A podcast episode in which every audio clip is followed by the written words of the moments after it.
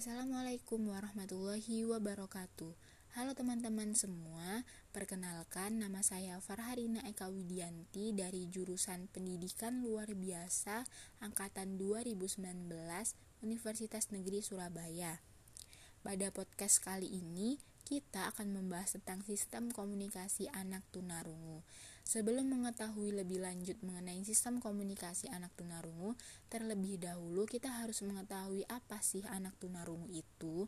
Nah, anak tunarungu adalah anak yang mengalami hambatan dalam mendapatkan akses bunyi bahasa melalui indera pendengarannya, sehingga perkembangan bahasanya mengalami hambatan khususnya dalam perkembangan bahasa lisan. Padahal, seperti yang kita ketahui bahwa bahasa lisan dalam kehidupan sehari-hari merupakan alat komunikasi yang paling banyak digunakan dalam berinteraksi dengan orang-orang lainnya. Nah, hal ini menunjukkan bahwa dengan memiliki keterampilan berbahasa lisan, orang akan lebih mudah dan lebih lancar dalam melakukan interaksi dengan orang-orang lainnya atau dengan orang-orang yang ada di lingkungan sekitarnya. Pemerolehan keterampilan berbahasa lisan, khususnya dalam bahasa ibu pada anak-anak umumnya terjadi secara alamiah.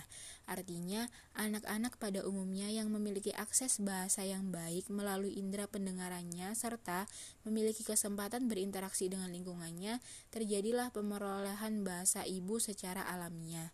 Hal ini menunjukkan bahwa perkembangan bahasa ibu tidak diperoleh melalui pembelajaran secara khusus, dan pada kenyataannya menunjukkan tidak ada orang tua yang secara khusus mengajarkan keterampilan berbahasa ibu kepada anaknya yang belum pandai berbahasa. Lalu, bagaimana dengan keadaan anak tunarungu? Tentu saja, keadaan memperoleh bahasa lisan secara alamiah tidak terjadi pada anak-anak yang memiliki gangguan pendengaran atau tunarungu. Meskipun hal tersebut terjadi, tentu tidak terjadi secara maksimal. Perkembangan bahasa lisan anak tunarungu terhambat karena mereka tidak memiliki akses model atau pola bahasa yang diperoleh melalui indera pendengarannya, sehingga tidak adanya pola bahasa yang dapat diimitasi. Hal tersebut menyebabkan terhentinya proses imitasi bunyi bahasa yang tumbuh dan berkembang di lingkungannya. Mengacu pada permasalahan yang dihadapi oleh anak tunarungu dalam proses perkembangan bahasanya, maka pembinaan dan pengembangan kemampuan berbahasa untuk anak tunarungu diprioritaskan terhadap pengembangan kemampuan berbahasa yang lazim. Maksud bahasa yang lazim yaitu bahasa yang paling banyak digunakan orang-orang pada umumnya yaitu bahasa lisan. Perlu kita ketahui bahwa ketunarunguan itu bersifat gradual, yaitu merentang dari yang ringan sampai yang berat bahkan sangat berat. Keadaan ini mengindikasikan bahwa tidak semua anak tunarungu dapat dibina dan dikembangkan keterampilan berbahasa lisannya. Bagi anak-anak tunarungu yang tidak memungkinkan untuk dibina dan dikembangkan keterampilan bahasa lisannya, maka tersedia bahasa-bahasa alternatif lainnya, seperti bahasa isyarat atau sign language, komunikasi total atau oral. Sistem komunikasi anak tunarungu mendeskripsikan dan memberikan pengalaman belajar tentang macam-macam cara berkomunikasi yang bisa digunakan oleh orang-orang yang mengalami ketunarunguan. Nah, untuk setiap orang-orang yang mengalami ketunarunguan, mereka bebas memilih dengan bagaimana mereka berkomunikasi. Boleh menggunakan bahasa isyarat, komunikasi total, atau menggunakan oral. Kali ini kita akan membahas tentang beberapa sistem komunikasi anak tunarungu yaitu komunikasi total, sistem isyarat bahasa Indonesia, dan oral.